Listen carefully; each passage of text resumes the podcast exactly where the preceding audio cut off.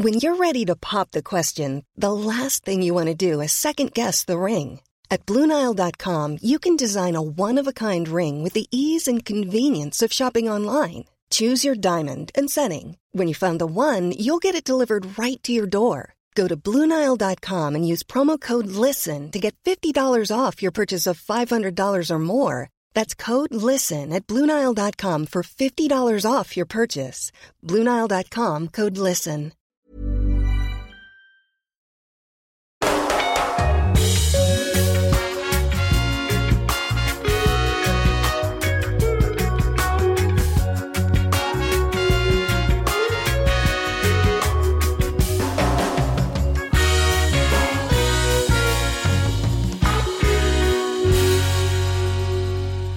Har du hämtat igen Makoto? du menar från igår? Jajamän. Ja, alltså knappt faktiskt, måste jag säga. Inte bara för att man jobbade ganska hårt liksom och så vidare, utan för att det var ju något unikt vi ändå fick uppleva där från första parkett verkligen när Alltså man har ju varit på många herrallsvenska matcher och ja, det här är på något sätt en vardag när Hammarby spelar stora matcher på, på herrsidan på Tele2 Arena. Men också med tanke på hur många damallsvenska arenor man har varit på och upplevt publiken där. Jag minns när man var på Stockholms stadion på derbyt, liksom Djurgården-Hammarby och slogs av vilken fantastisk stämning det var. Ja, addera, liksom gångra det med 15, 16 eller vad det nu blir rent matematiskt så får du en, får du det som var i det här publikrekordet på Tele2. Det var ju, det är så här det ska se ut. Det, det är på något sätt, Hammarby visar, de visar att så här kan ett Stockholmsderby i damallsvenskan se ut. De visar att så här ska ett Stockholmsderby damallsvenskan se ut. Att det ska vara den här stämningen, det ska vara den här liksom elektriska, glödande, passionerade känslan på läktarna. Det ska vara en marsch från Medborgarplatsen hela vägen in till Globenområdet och Tele2 Arena. Eller för den delen om det då är liksom ett fullsatt Friends Arena i framtiden. Det är ju där man hoppas lite att det är där det ska leda till att om det så är grönvita, gulsvarta eller blårandiga flaggor eller om man drar ännu längre fram i tiden ljusblåa eller blåvita flaggor så att det här ska bli en norm, att det här ska bli en vardag och att det här inte bara var något unikt som vi då efter varje gång sitter och funderar, vad var det vi upplevde precis? Det är i alla fall det man hoppas. Ja, vi ska såklart prata en hel del om rekordmatchen som spelades på Tele2 Arena mellan Hammarby och AIK. Men vi kommer också att eh, få säga grattis till Umeå som vi har tillbaka i damallsvenskan. Lisa Dahlqvist kommer vara med oss på telefon, lagkaptenen för det där Umeå. Det är ju så att det är tre lag som går upp i år. Redan nu så är Umeå klara för allsvenskan nästa säsong. Dessutom så blir det lite Växjö som helt plötsligt har vunnit för sent eller? Ja, vi ska diskutera det där och vi har fått in lite frågor också så att det kommer bli en fullspäckad podd idag också. Men vi måste ju prata om det här derbyt som vi båda två hade äran att se på plats igår, att följa och prata med spelare och fans både innan och efter den här upplevelsen och spelarna var ju inne på att det är liksom gåshud från minut ett och när man tittar på klippet som finns på Sportbladets sociala medier bland annat med eh, inmarschen. När man ser bilderna från spelargången och ser barnen som står jämte spelarna och får gå in med dem. Se den otroliga lyckan i. Tänk hur stort det är för alla de små tjejerna som får gå in inför 18 000 som sjunger och tänka att wow, här kan jag också spela en dag. Fan vad häftigt! Det blir man ju glad av. Ja, det är ju det främsta egentligen man tar med sig från det här är ju vilka drömmar det väcker för att det är ju precis så att det har som som liksom flicka och fotbollsspelare så har det inte riktigt varit liksom möjligt att drömma om den här typen av publik. Emilia Larsson pratade om det själv, att det alltid varit en dröm att få gå in för fullsatt arena på det där viset i, i Hammarbytröjan. Men att hon kände, men det, det, det, vi är inte där, nu är vi där. Och det går att säga hur mycket som helst om det var en engångsföreteelse och så vidare, men det är bara, det finns någonting annat i det här som ger mig känslan av att det här inte var en engångsföreteelse. Jag kanske är naiv här, men jag, det är i alla fall det jag hoppas och det har ju gått så pass snabbt framåt i alltihopa och sättet också Hammarby har den här matchen, det är inte bara att det är 18 000 personer där, det är vad de bidrar med, det är om det så är tifon, banderoller, flaggor, fyrverkeripjäser, sång, jubel, liksom, ja, irritation också och burop, även det. Att det är en inramning som man inte har fått se på Damasvenska Arena tidigare och jag vågar nästan säga att det är en inramning som är unik även ur ett utomsvenskt perspektiv. Och det gör så otroligt mycket, att det sitter någon flicka där på läktaren och går på sin första match med den här liksom inramningen och ser, säg Madeleine Janogy när hon gör 1-0 och tänker, ja men jag vill vara som henne någon gång. Wow, vilken spelare! Och det är också som sagt, som vi, att det är också ett liksom underhållande match. De får ju den här segern, de vinner stort och såklart att det väcker drömmar och spelare och liksom unga som tittar upp på dem. Så att det, det är den finaste effekten att man ser att jo men visst var det möjligt. Ja, det finns ju också ett klipp efter matchen där eh, Tre tjejer står länge utanför arenan och väntar och väntar. Det hinner bli ganska kallt där ute. Det har gått nästan en timme sedan matchen tar slut när först Matilda Winberg kliver ut. Eh, Matilda Winberg som har spelat i Enskede, precis som de här då tre tolvåringarna som står utanför arenan och väntar. Och eh, de blir ju såklart överlyckliga när Matilda Winberg kommer ut. Sen går hon in igen, då tror de att okej, okay, ja det är väl kanske över, men vi står kvar och hänger lite till för spelarna borde väl komma ut snart. De visste ju inte att spelarna då hade fått in både mat och dryck i omklädningsrummet och skulle bli kvar där ett tag. Men Matilda Winberg går ju faktiskt och hämtar Emma Jansson och Madeleine Janogy och helt plötsligt så öppnar vakterna dörrarna. Småtjejerna tror att de ska få gå in och värma sig. Vi kan väl lyssna lite på hur det lät när de där dörrarna öppnades och tjejerna kliver in och ser Madeleine Janogy och Emma Jansson.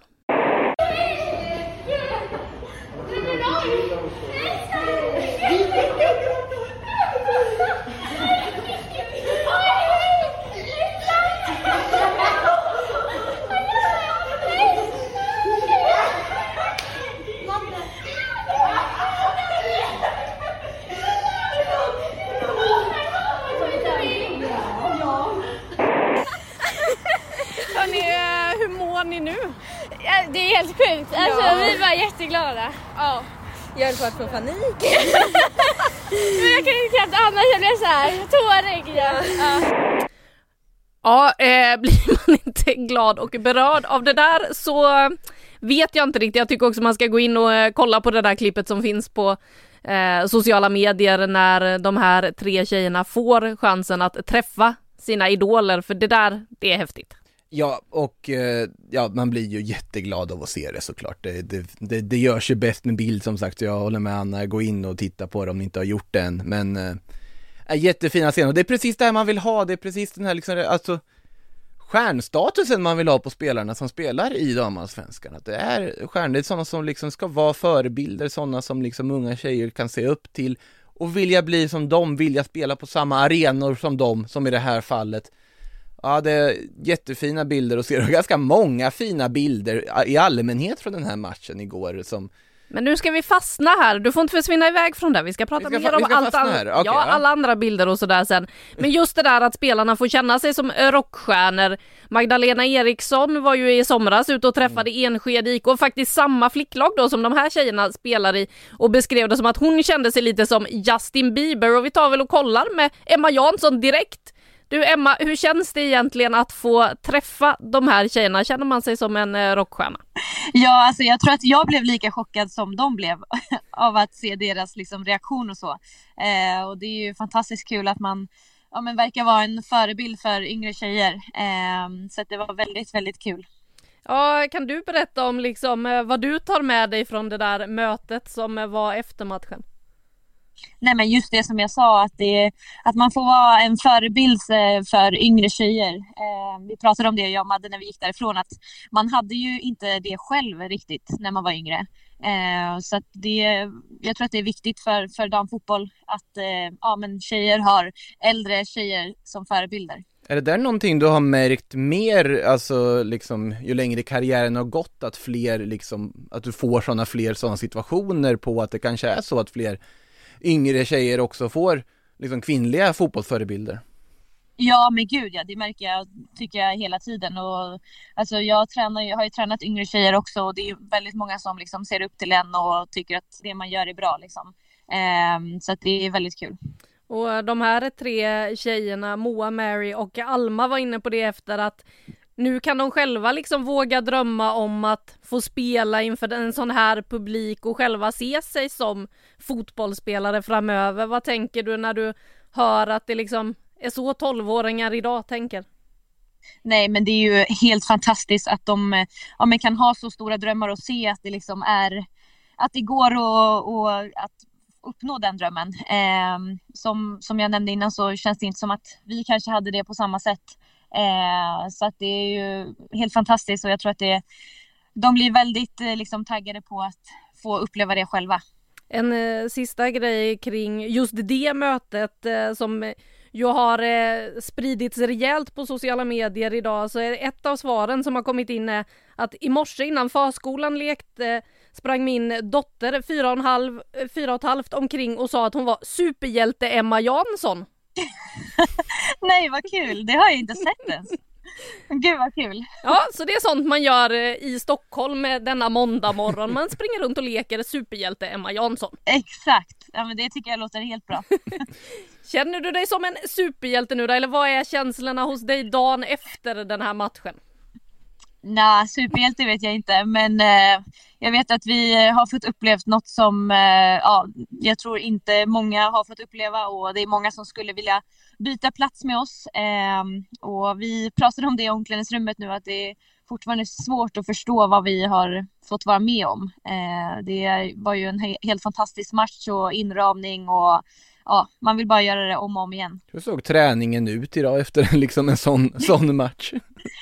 Eh, nej men idag var det väl eh, mest återhämtning. Det var ju trötta kroppar och huvuden. Eh, och vi pratade väl om att nu blir det att ställa om liksom till, till det vanliga publiksnittet.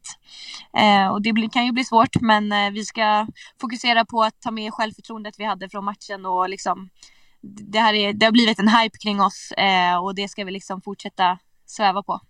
Hur eh, mycket klipp har du sett från matchen och allt som skedde kring den? Jag har suttit typ konstant hela dagen och tittat på klipp och bilder och bara ja, njutit. Från hur många vinklar har du sett din straff? ja, det är typ från alla olika vinklar. Eh, det, det har man inte missat. Är det tacksamt på så sätt att göra mål på en straff så alla hinner liksom förbereda sig med telefonen och vet att okej, okay, nu är det läge att filma? Ja men exakt, det är ju perfekt timing. Vad säger du om ditt eget firande där efter då och reklamskyltarna och vad, vad gick igenom huvudet? Alltså jag hade en tanke om att jag skulle hoppa över skylten eh, till liksom publiken men eh, jag kom inte riktigt så långt för att jag ångrade mig lite på vägen och tänkte att det kan vara en skaderisk att hoppa över. Eh, så att jag stannade och ja, ryckte lite i skylten. Du sprang i alla fall till publiken till skillnad från Alice. Exakt, jag tänkte att det, det är ändå de man vill fira med. vad tar ni med er mer från den här matchen då, förutom liksom själva upplevelsen? Vad i spelet är ni mest nöjda med? Eh, nej men igår tycker jag att vi hittade tillbaks till eh, där vi liksom borde vara och att vi är så pass bra när vi, när vi gör allting till 100 procent. Eh, det kändes som att det var väldigt många som blev extra taggade och liksom gjorde allt eh, liksom fullt ut igår när vi hade så mycket publik. Eh, så att jag tycker att faktiskt att vi gjorde en väldigt bra match. Eh, den bästa nu på hösten tycker jag. Eh, så att vi tar med oss det och fortsätter, fortsätter vi så här så hoppas vi att vi kan ta mycket mer poäng. Nu väntar en kontrast till det där i Vittsjö på bortaplan i nästa match. Eh, hur laddar man om rent mentalt? Eh, ja, men det blir ju eh, tufft att ladda om. Men som sagt, ja, vi ska fortsätta sväva på att vi liksom fick energi och självförtroende av eh, matchen igår. Eh, men sen så behöver vi ju ta jobbet eh, även den matchen. Och eh, vi vill ju ta så många poäng vi kan för att se hur långt det räcker. Hur långt eh, tror du det kan räcka nu då? För nu finns ju ändå den där tredjeplatsen lite inom räckhåll igen. Ja, det har man ju hört eh, och det är ju såklart kul. Men eh, vi får ta en match i taget och vi kan inte styra riktigt över hur, hur de andra lagen går. Men eh, vi ska försöka göra vårt i alla fall. Du Emma, vi önskar er stort lycka till framöver och eh, så får ni passa på att ladda om och eh, återhämta er lite efter den där urladdningen eh, igår. Ja, det ska vi. Tack så jättemycket. Tusen tack för att du hade tid att vara med. Tack. Ja, det är ju härligt att höra Emma också om mötet med de här eh, tjejerna. Nu kan du få prata om dina andra bilder du ville iväg till innan. Jag ville bara höra lite hur det var för Emma Jansson och eh, spelarna, både med att träffa de här tjejerna men också matchen såklart. Ja, matchen såklart ska man väl också nämna några ord kring här att rent sportligt Hammarby gör som sagt en jättefin insats. De har ju sett svajiga ut efter det här sommaruppehållet. Det har inte riktigt fungerat. Det har varit lite smågrus i maskineriet som ändå imponerade så pass mycket innan sommaruppehållet. Men här så bara får man, ja, rätt på det mesta. Fanny Hjelm tillbaka på mittfältet, sätter tempot, lugnar ner det. Så självklar den där rollen. Alice Karlsson i mittlåset som nu ackompanjerad av Elsa Karlsson i mitten också. Det var en liten taktisk rokad som man eh, noterade också. Födelsedag, födelsedagsbarnet Elsa Karlsson. Till Tydligen svårt att säga, men klass, grattis! Grattis! Klassiska lokaltidningsvinkeln. Födelsedagsbarnet fick fira med seger. Nej, men Elsa Karlsson gör en strålande match i mitten. Eva Nyström som då får kliva ut till vänster istället, även om det blir någon sorts trebackslinje i offensiven och en fyrbackslinje i defensiven. Eh, men man gör en supermatch här, AIK, de har en ganska bra period när de får sin reducering i andra halvlek, men i övrigt så tycker jag de ger bort första halvlek när man sjunker allt för lågt, har allt för stor respekt för Hammarby och inte alls sätter sina offensiva spelare i lägen och situationer som på allvar hotar Hammarby-målet. Eh, AIK var väl i och för sig inne på att de tyckte att de överlag kämpar på bra och gör en bra insats, men det saknades ganska mycket för dem och att såklart Hannah Davison och Konya Plummer i mittlåset vart strålande några matcher här innan men hade ju inte sina bästa eftermiddagar på Tele2 Arena så att AIKs kontrakt är inte matematiskt helt säkrat än. Det är väl det man kan säga av det sportsliga som vi fick se i den här matchen och sen såklart det jag nämnde om det här med bilderna som man minns och man blir berörd av, ja det räcker med att bara gå in och titta på allt som dyker upp från allt från när Spelarna tackar av fansen och startar sången med dem efteråt till inmarschen som vi nämnde, till de här supportrarna som får träffa sina idoler efter matchen. Det finns så många aspekter i det här som gör det här till en väldigt oförglömlig och historisk fotbollskväll för, ja, för svensk fotboll och även för internationell fotboll på damsidan i allmänhet. Ja, en häftig upplevelse och vi får väl se när eller om vi får uppleva det igen. Förhoppningsvis så är det när vi kan betona i det där. Eh, men du Makoto, vi har också fått in eh, en fråga här då av vår kollega, kommentatorn Marcus Bylund som man ofta hör i damallsvenska sammanhang i våra sändningar på Sportbladet Play. Han undrar vad vi ser som en godkänd publiksiffra nästa match för Hammarbys del. Nu måste jag tänka vad kanalplan har för kapacitet. Och den ligger väl, om jag inte är helt ute och cyklar här, på runt 3000. Och då tycker väl jag att över 2000. Lite så att det här, alltså, det ska ju ge någon form av ringar på vattnet. Ett fyrsiffrigt antal människor ska ju hitta till kanalplan. Annars tycker jag att, och förutsatt då återigen, för det finns aspekter, vädret måste vara bra. Det är faktiskt så pass enkelt när det kommer till matcher på en liksom utomhusarena som man väl ändå får kalla det liksom.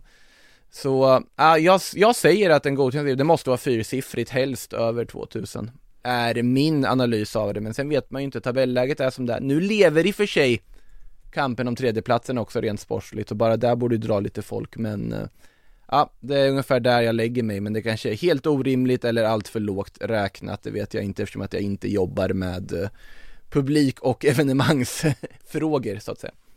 Jag skulle vilja säga att jag tycker att man ska upp över 2000 efter det här eh, att eh, det borde ge den effekten med ringarna på vattnet av den positiva fotbollen eh, och då med förhoppningen om att det inte krockar med en massa annat för det var ju en hel del ungdomslag och sådär som var mm. på plats igår men ja, nej jag tycker nog att man ska försöka ta sig över 2000 i alla fall. 18 000 kommer det ju absolut inte bli med tanke på att man är tillbaka på kanalplan i nästa omgång och de här tre tjejerna som vi hörde innan, Alma, Moa och Mary som var de som fick träffa spelarna. De fick ju också frågan av Madeleine Janogy om de kommer på nästa match. Och då så tvekar de ju en liten stund. Det är ju förmodligen för att de inte riktigt vet när den var och sådär och inte kan svara på rak arm. Men Emma Jansson är ganska snabb där om att hörni, ni måste svara snabbare på den typen av fråga. Men nej, eh, jag tror ju att det är många som gärna vill se fler matcher så att eh, vi får väl se vad den landar på när man spelar hemma igen, vilket ju är den 30 oktober mot 14.00 hemma mot Linköping. Jag kan ju tycka att det är lite tidigt.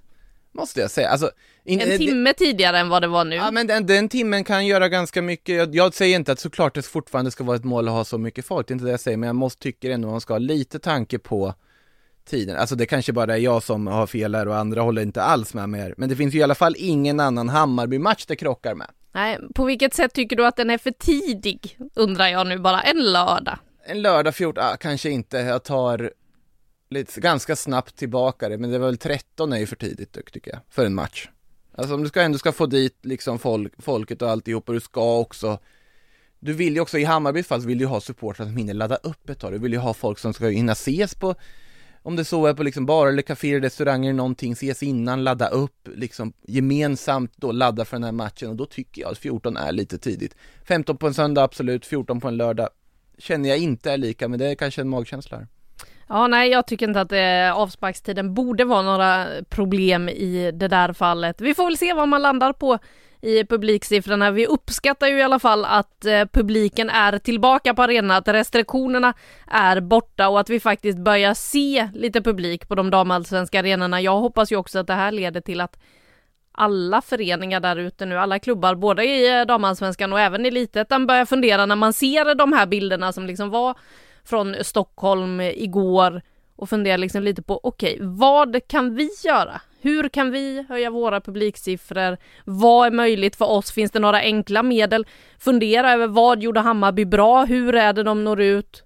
Och liksom lära sig av det för att locka till sig lite mer publik för att eh, jag tror att det finns mer kapacitet för många där ute att dra, locka till sig mer publik. Kanske kan bli tajt den här säsongen nu.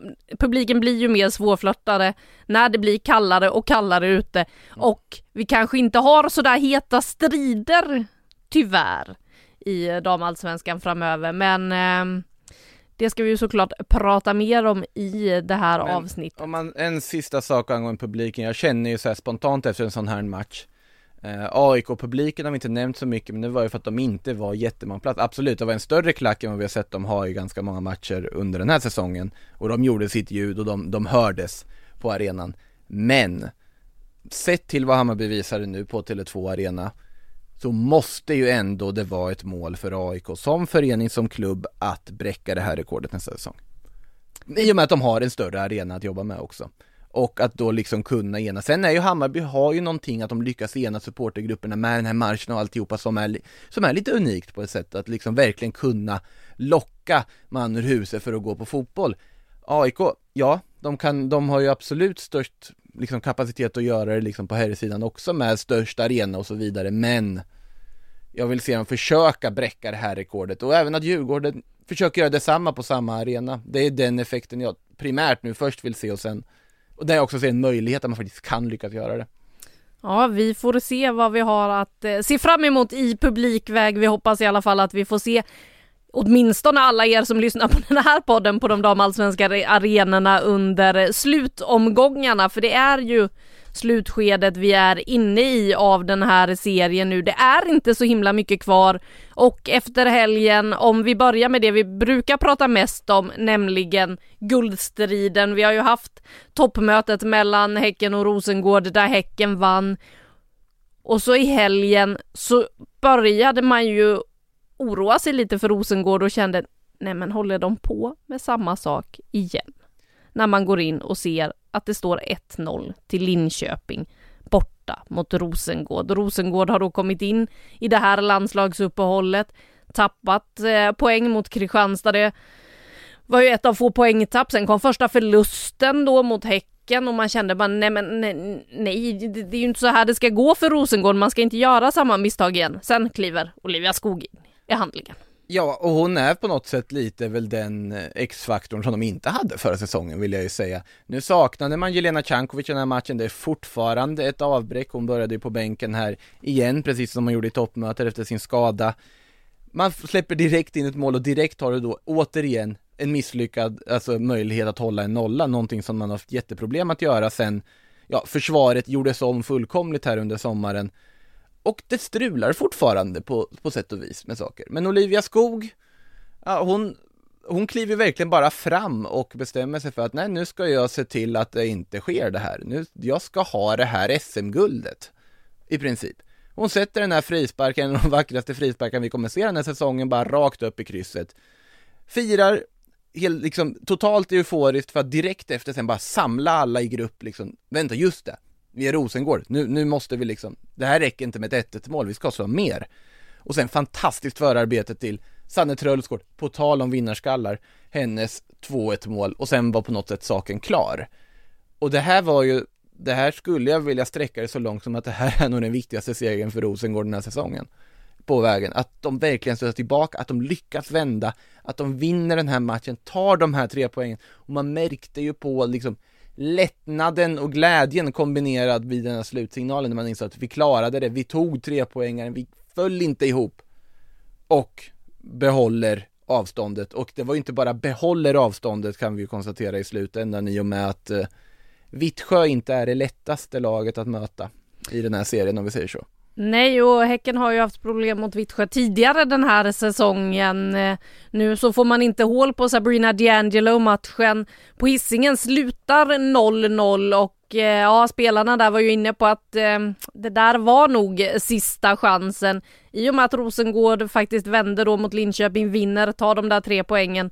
Så är ju Häcken nu fem poäng efter. Det är tre omgångar kvar att spela det blir otroligt tufft för Häcken att eh, försvara sitt SM-guld. För vi får ju ändå säga så, trots att de hette Göteborg eh, förra säsongen så är det ju samma lag i grunden. Så att, eh, nej, det börjar se väldigt tufft ut för mitt guldtips. Ditt guldtips eh, fick lite extra liv där ett tag här när Häcken vann och man började ändå som sagt tvivla på Rosengård verkligen men på något sätt Häcken här faller de ju på samma grepp som de har fallit på i ganska många matcher den här säsongen. Anledningen till att de är ett jagande lag och inte ett jagat lag i slutspurten. Och det är ju att man har jätteproblem att luckra upp lågt stående försvar när man får ha liksom lite för mycket kommando på en matchbild. Du, du lyckas inte liksom, när, när ett lag är kompakta, defensivt stabila, vet vad de håller på med, kompromisslösa, då har Häcken problem att lirka upp det. Vi har sett det i jättemånga matcher. Vissa matcher har de ändå fått in det där 1-0 målet och fått med sig en seger. I andra matcher så har de inte lyckats, som mot Växjö till exempel. Där man inte lyckas, ja, få med sig alla tre poängen på grund av att man inte lyckas luckra upp det här försvaret tillräckligt mycket. I matchen mot Vittsjö, det måste jag säga att Vittsjö gör ju en fantastisk insats tycker jag utifrån deras förutsättningar. Det är ett lag som är ofantligt bra på att krypa in under skinnet på ett motstånd, i alla fall ett så här toppmotstånd som de gör här. Sandra Adolfsson var ju så här fantastiskt jag vet inte om jag ska säga svinig är väl elakt, men liksom hon, hon, hon, hon la inte ett finger mellan i duellerna, liksom kröp under skinnet på Stina Blackstenius som mest såg frustrerad ut i den här matchen. Claire Polkinghorn som inte verkar kunna sluta springa, jag minns ju speciellt en situation i den här matchen när Vittsjö sätter igång en kontring med massa spelare rättvända långt upp och sen så blir det någon sorts missförstånd och misslyckad passning och rinner ut i sanden.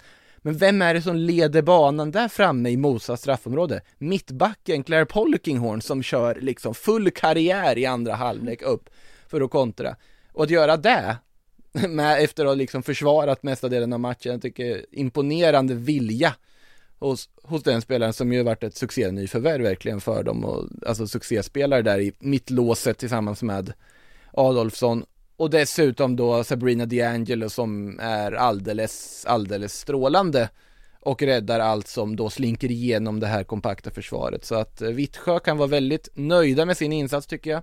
Häcken desto mindre nöjda efter att ha fallit i samma fälla som de gjort så många gånger den här säsongen. Och det är därför de sannolikt nu inte kommer att vinna ett SM-guld. Nej, och det är ju så att Häcken ju har dubbla fokus just nu dessutom. Man har ett Champions League-spel som pågår där man blev hårt straffade mot Lyon i hemmamatchen där man ser direkt att på den nivån så straffar sig enskilda misstag direkt och man måste ta tillvara på alla lägen man får. Och apropå då Champions League så har vi fått in en fråga från Kristoffer J Berg på Twitter som vill att, eller han skriver att det hade varit intressant att höra våra tankar kring kontrakt då som går ut i Häcken. Det här har ju blivit en fråga under hösten i och med att, eh, som vi har varit inne på tidigare under säsongen, så är det ju många damallsvenska klubbar som bara skriver kontrakten 11 månader. Man håller sig till den damallsvenska säsongen nu är det så att Champions League-spelet då för Häckens del, ja det pågår ju hela vägen in i december.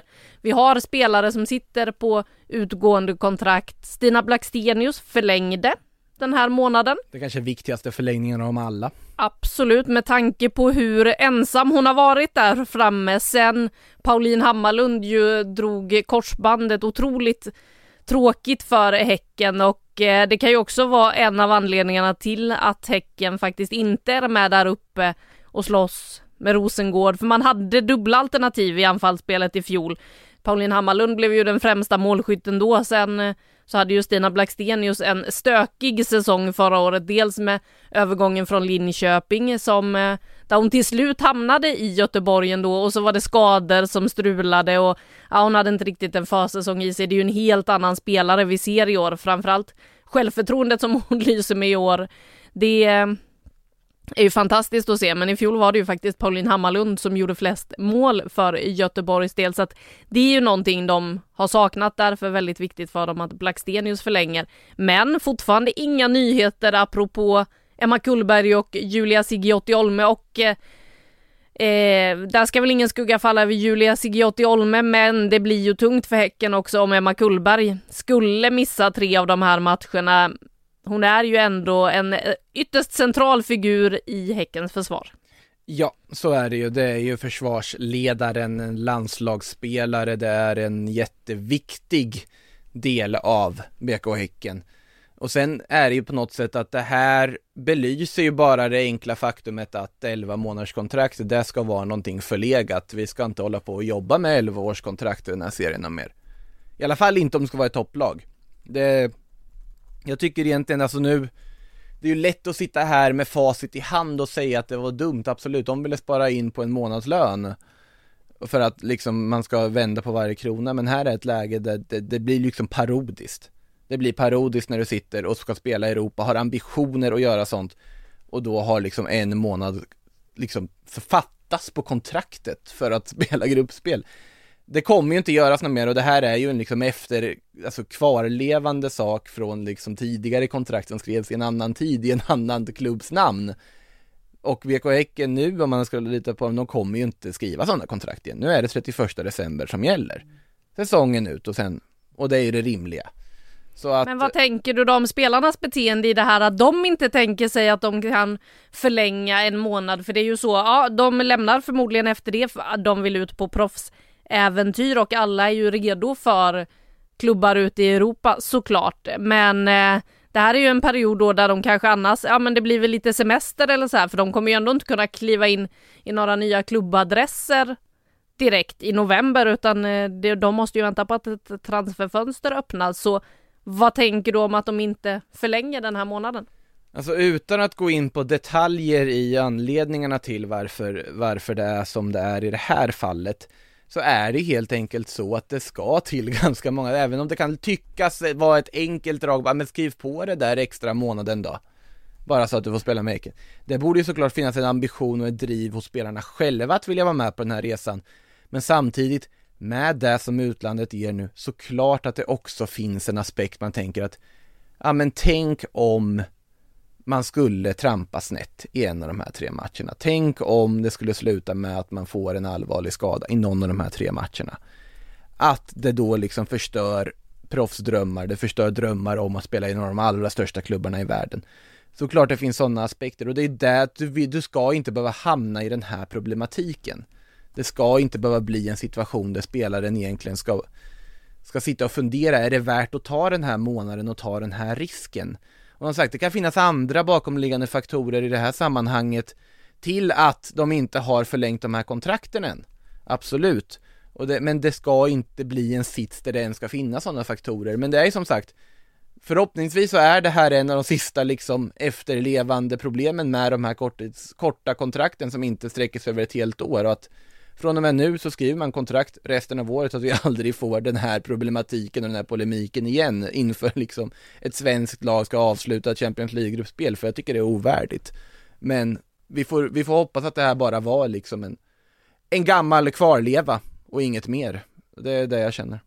Ja och eh, som sagt Stina Blackstenius har valt att förlänga nu. Hon kanske kände att det var ganska kul att spela de där ja. matcherna när hon fick möjligheten att ställas mot Lyon och skapade några chanser, kanske borde gjort något mål eh, men hoppas väl få in det kanske då i returen som hon nu kan spela nere i Frankrike. Det går ju liksom, alltså varje person och spelare är ju sin egen person och spelare, men såklart det går att argumentera också att det är ett skyltfönster att spela de sista tre matcherna. Det är ett jätteskyltfönster att få visa upp sig och kanske kunna få en ännu bättre deal eller ännu större klubbar som är intresserade när kontraktet går ut, om de nu är inställda på att lämna. Sen finns det ju också aspekter att de kanske vill ha ännu längre avtal och vill vara kvar ännu längre men inte får den möjligheten och bara bli erbjudna en månad. Utan att gå in på någon form av detaljer om hur de här diskussionerna har gått så finns det ju varje, varje situation är sin egen men du ska inte sätta dig i sitsen där man ens ska behöva ha i tanke att för, liksom förhandla fram månadskontrakt. Nej, och med det så sätter vi punkt för diskussionerna om guldstriden och de två topplagen. För vi har ju otroligt mycket mer att prata om också. Eh, och vi vill ju att eh, du som lyssnar ska orka hänga med oss hela vägen. Eh, om guldstriden kanske avgjordes så fick ju faktiskt eh, den där jakten på Europa, jakten på sista platsen, tredjeplatsen, eh, den som ger Champions League-spel nästa år, nytt liv när Kristianstad besegrade Eskilstuna. Ja, och det var ju Anna Velin som var stor segerorganisatör. Alltså jag har inte riktigt bestämt mig om jag tycker det, hur, vad jag tycker om det här 1-0 målet. Alltså för att det är ju fruktansvärt vackert i sig när hon liksom vänder bort sin bevakare och sen drar det här avslutet. Jag vet inte om det egentligen var ett inlägg eller vad det var men men alltså rakt ner i hörnet, jättekliniskt, men samtidigt Borde inte målvakten haft bättre koll från det avståndet eller blev hon helt ställd av situationen och, och skymd i ögonblicket där avslutet kommer?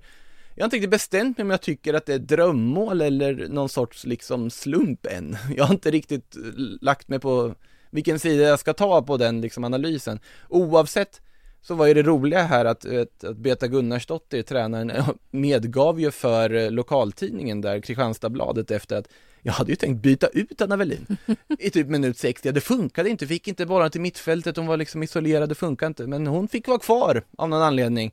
Och sen då så gör hon ett mål där. Och så gör hon dessutom en assist, jättefin passningsskarvning fram till Miranda Nild som eh, placerar, säkert placerar in 2-0 målet.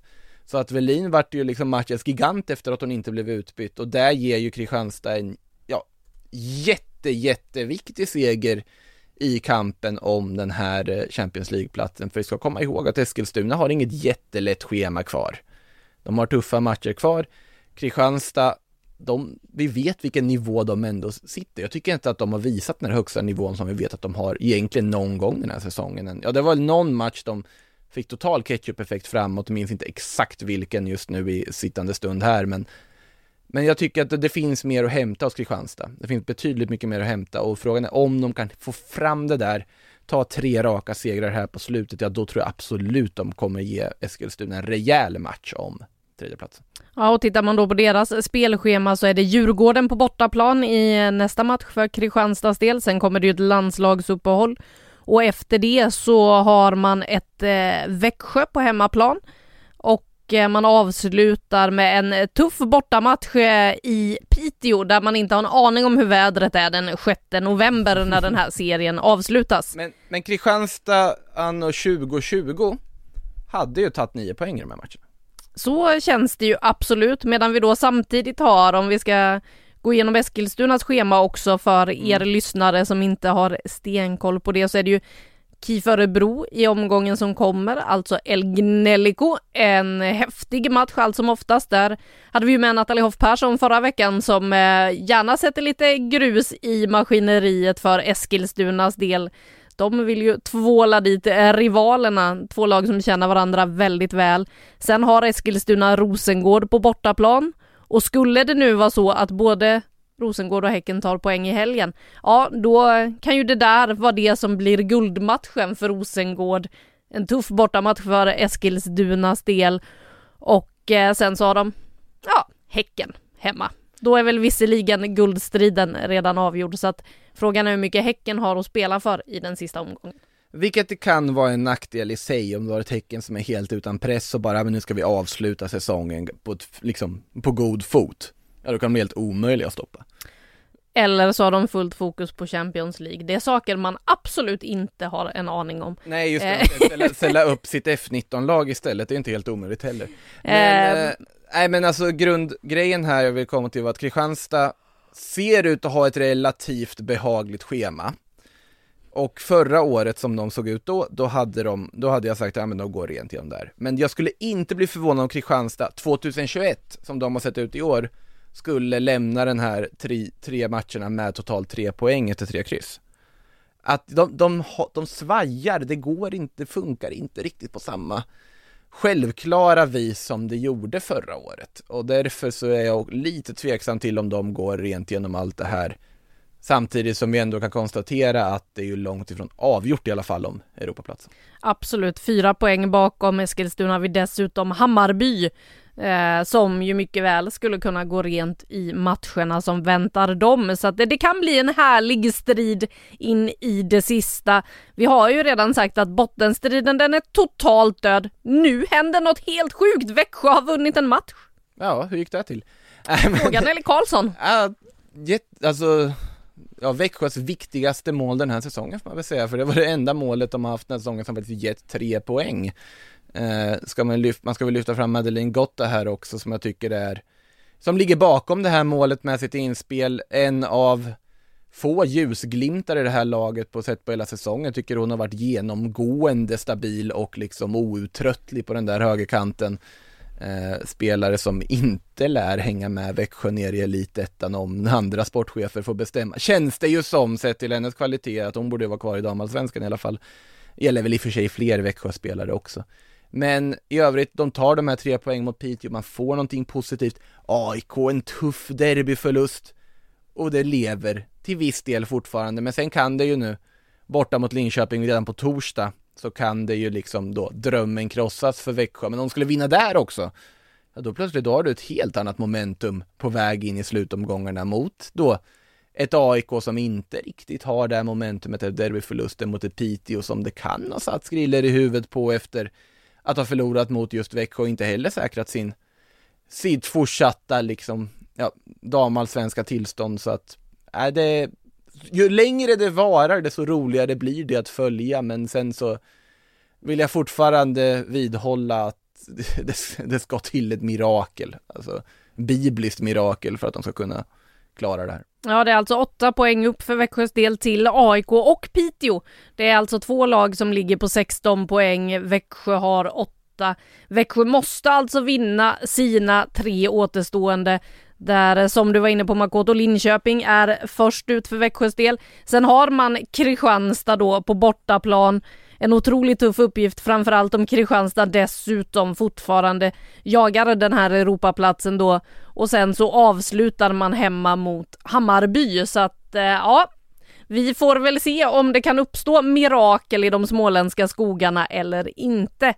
Eh, det vi däremot vet det är ju att eh, det bara är ett lag som åker ur i år. Men det är ju tre lag som kommer att gå upp från elitettan. Och vi vet vilket ett av dem är till och med.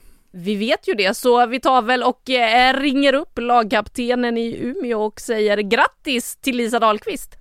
Tack så mycket. Det känns eh, så roligt. Hur har ni firat det här avancemanget?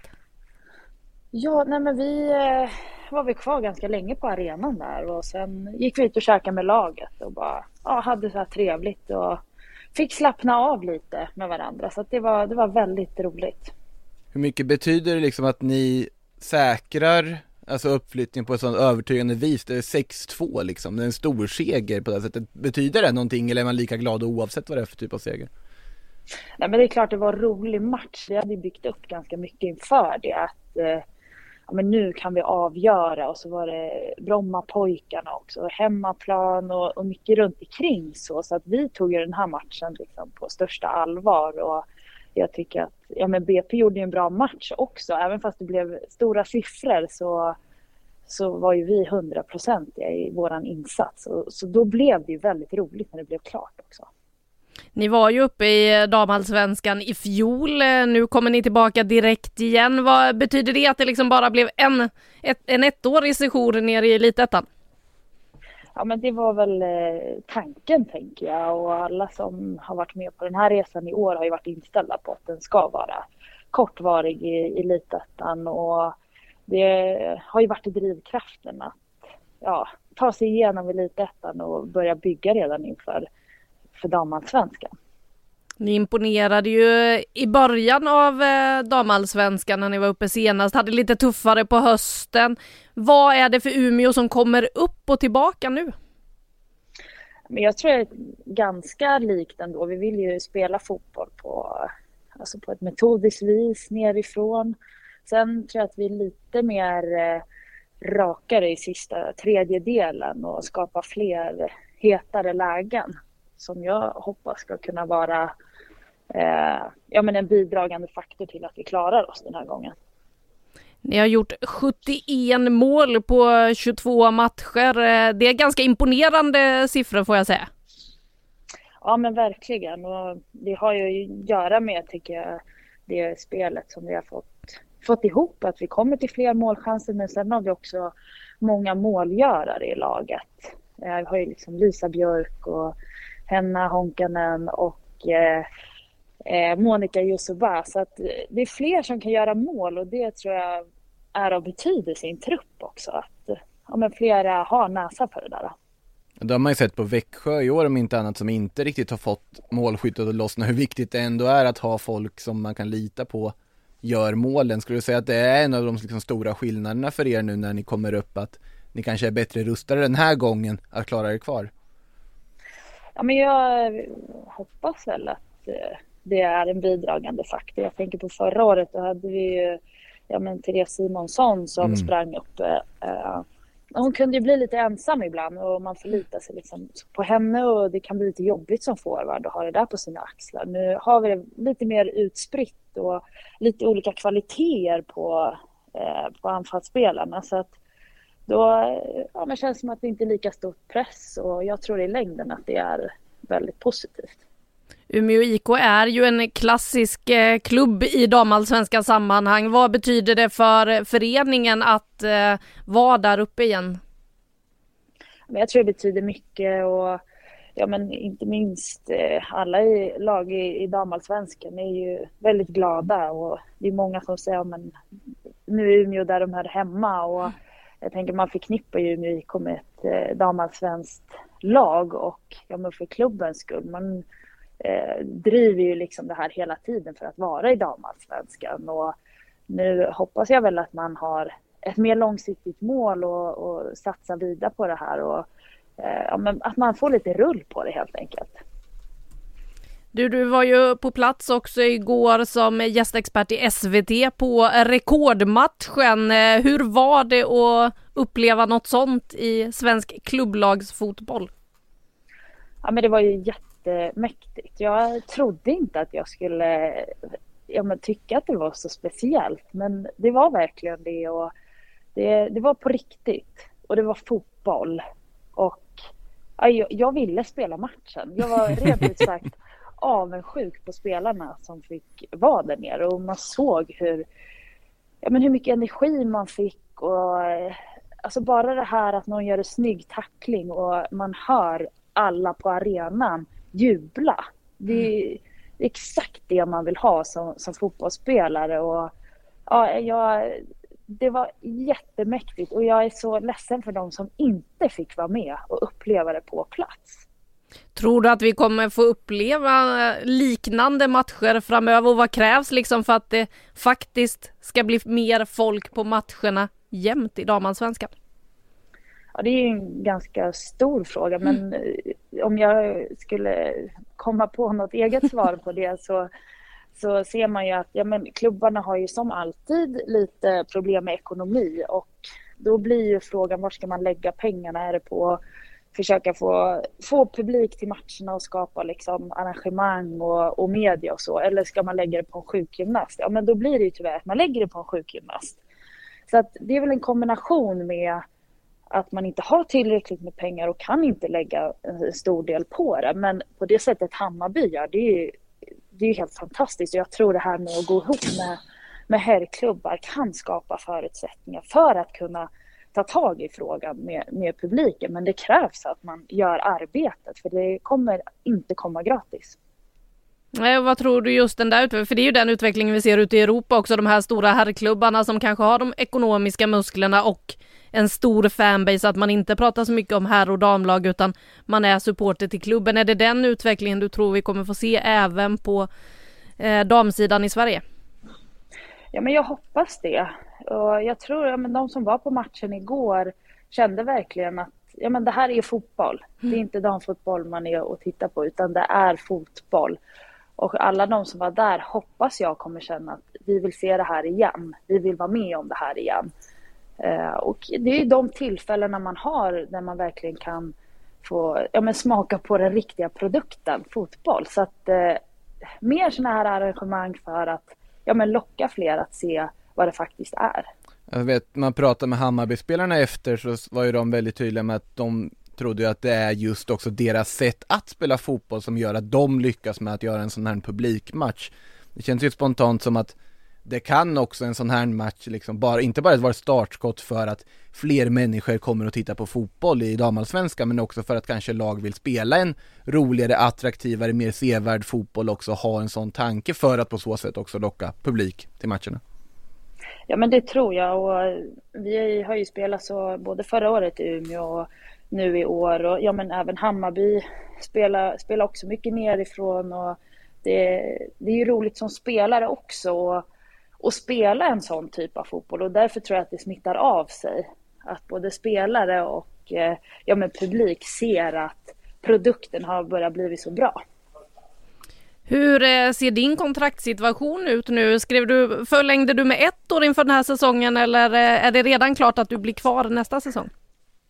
Eh, men jag har eh, kontrakt för det här året och sen eh, är jag i samtal med klubben kan jag säga om nästa år. Hur sugen är du på att få spela lite mer damallsvensk fotboll nu efter att ha upplevt det där igår? Ja men skulle det vara så där mycket publik eh, varje match så skulle jag absolut inte tacka nej. Sen är det ju ja, men mycket för, för mig, man har blivit äldre, man har, jag har familj, jag mm. pluggar, alltså man har mycket att ta hänsyn till. Så att det blir ett litet eh, ja, men större betänke, alltså jag behöver tänka lite mer och ja, men, få en helhetslösning som som passar för att det ska ja, men vara möjligt att fortsätta. Du Lisa, vi hoppas att vi får se dig i damallsvenskan igen. Ja, tack. Så tackar vi så hemskt mycket för att du hade lite tid här eh, innan det drar igång med mer plugg. Vad är det du pluggar? Pluggar till polis. Spännande! Aha. Ja. Hur långt har du kommit på utbildningen? Ja, men jag är ju inne på andra terminen här. Ja. Så det är eh, i starten kan man säga. Men eh, allt jag har gjort hittills känns väldigt roligt och känns som ett passande yrke för mig. Du, det låter ju superspännande. Vi får ta och prata mer om det någon gång. Nu ska du få förbereda dig för lektionen. Och som sagt så hoppas vi att vi får se dig i damallsvenskan igen. Ja, tack så mycket. Tack själv. Hej då.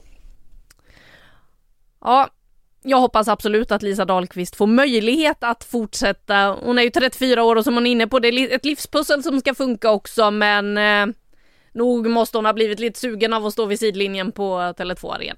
Ja, det måste hon ju ha blivit, men jag tänker framförallt om man tänker för Umeås del, att såklart man vill ha en sån liksom, erfaren spelare med sig upp som kan sätta standarden, som kan visa hur det ska gå till, som är van vid det, som också vet vilka ups and downs det finns under en säsong. Och det tror jag är guld värt för ett lag som Umeå, så att såklart om jag satt och eh, sportchefade i Umeå, då skulle jag göra allt jag kunde för att försöka lösa det så att man får med Lisa Dahlqvist på tåget en gång till.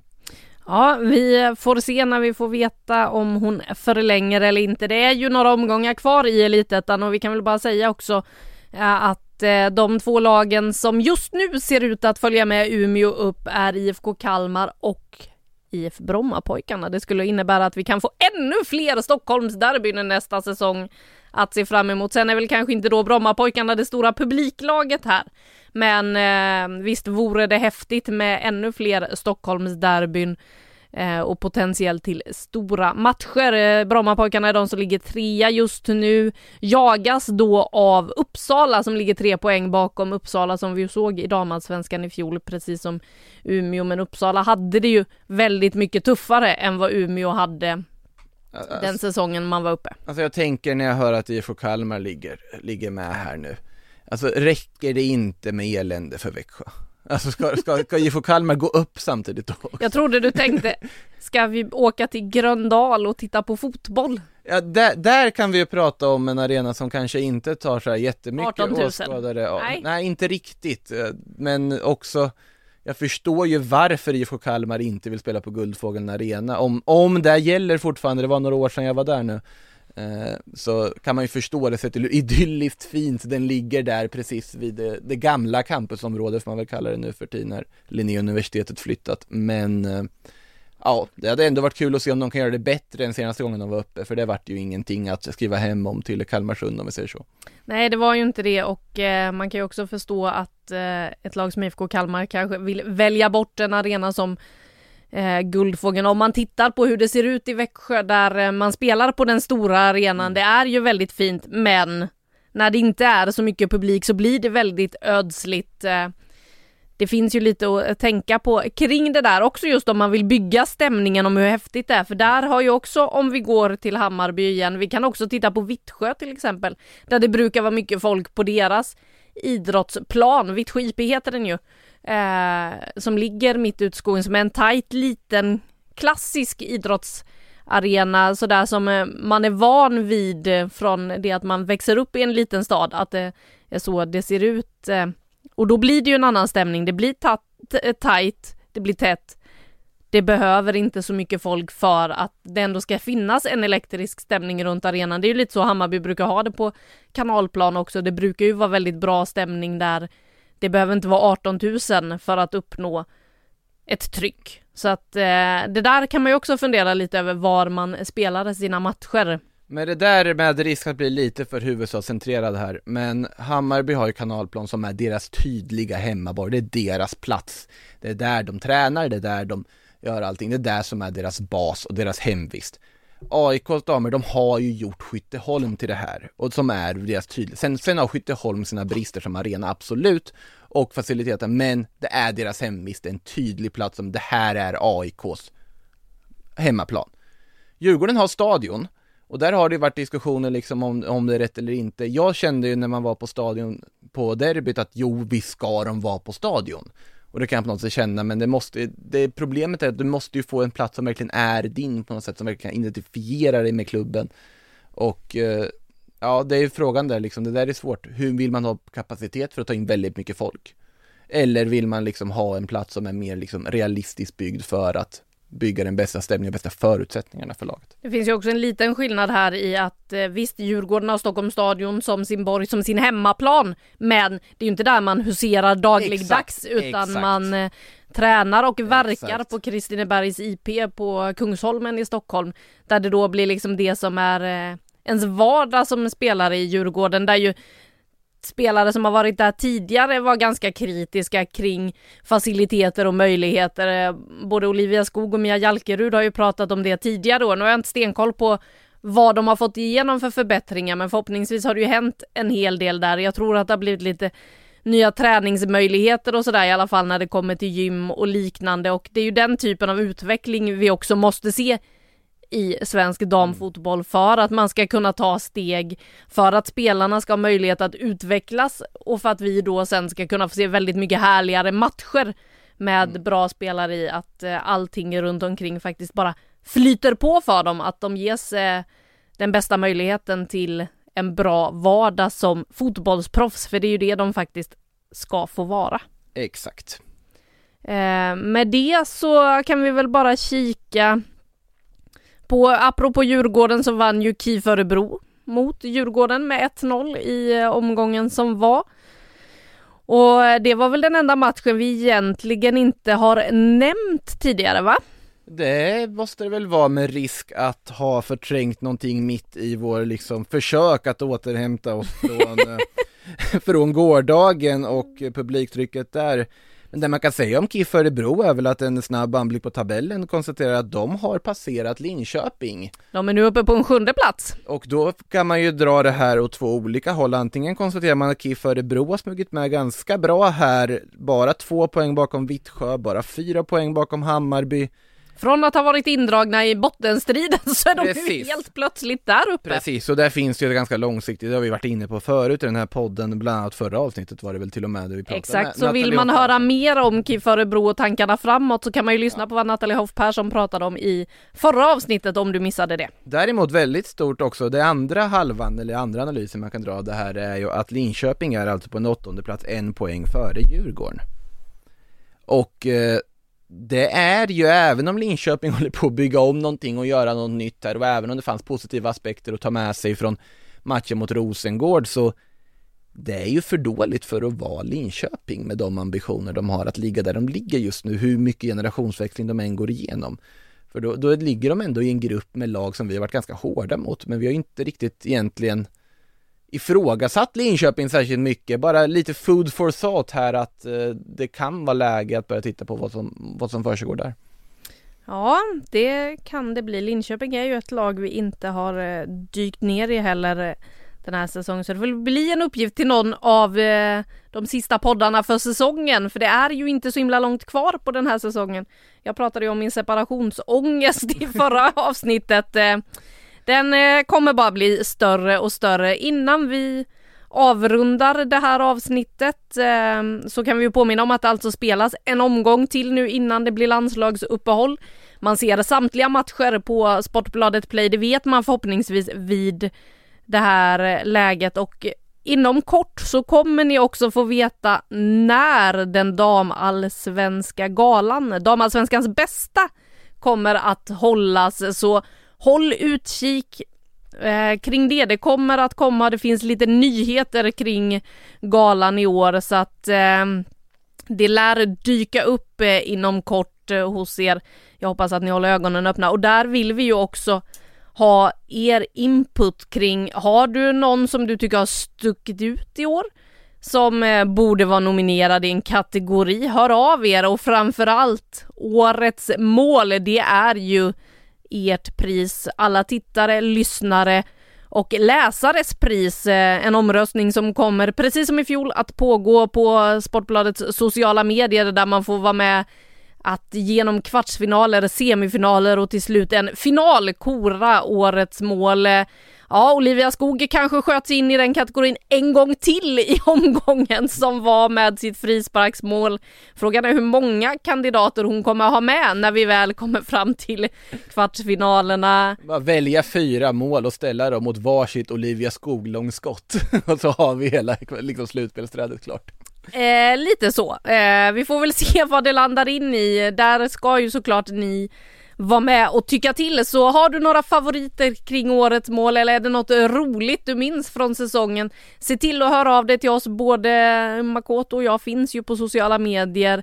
Ni kan också mejla till damallsvenskapodden aftonbladet.se med tips och eh, synpunkter. Så tar vi och andas, eh, försöker smälta det vi har varit med om den här helgen, laddar om för en ny helg och så hörs vi nästa vecka.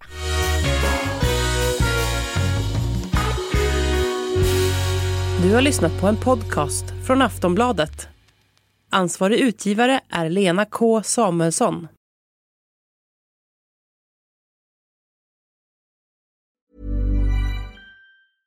Hej, jag Ryan Reynolds. På Mint Mobile, we like to do the opposite of what Big Wireless does. They charge you a lot, we charge you a little. So naturally, when they announced they'd be raising their prices due to inflation, we decided to deflate our prices due to not hating you. That's right. We're cutting the price of Mint Unlimited from $30 a month to just $15 a month. Give it a try at mintmobile.com slash switch. $45 upfront for three months plus taxes and fees. Promo rate for new customers for limited time. Unlimited more than 40 gigabytes per month. Slows. Full terms at mintmobile.com.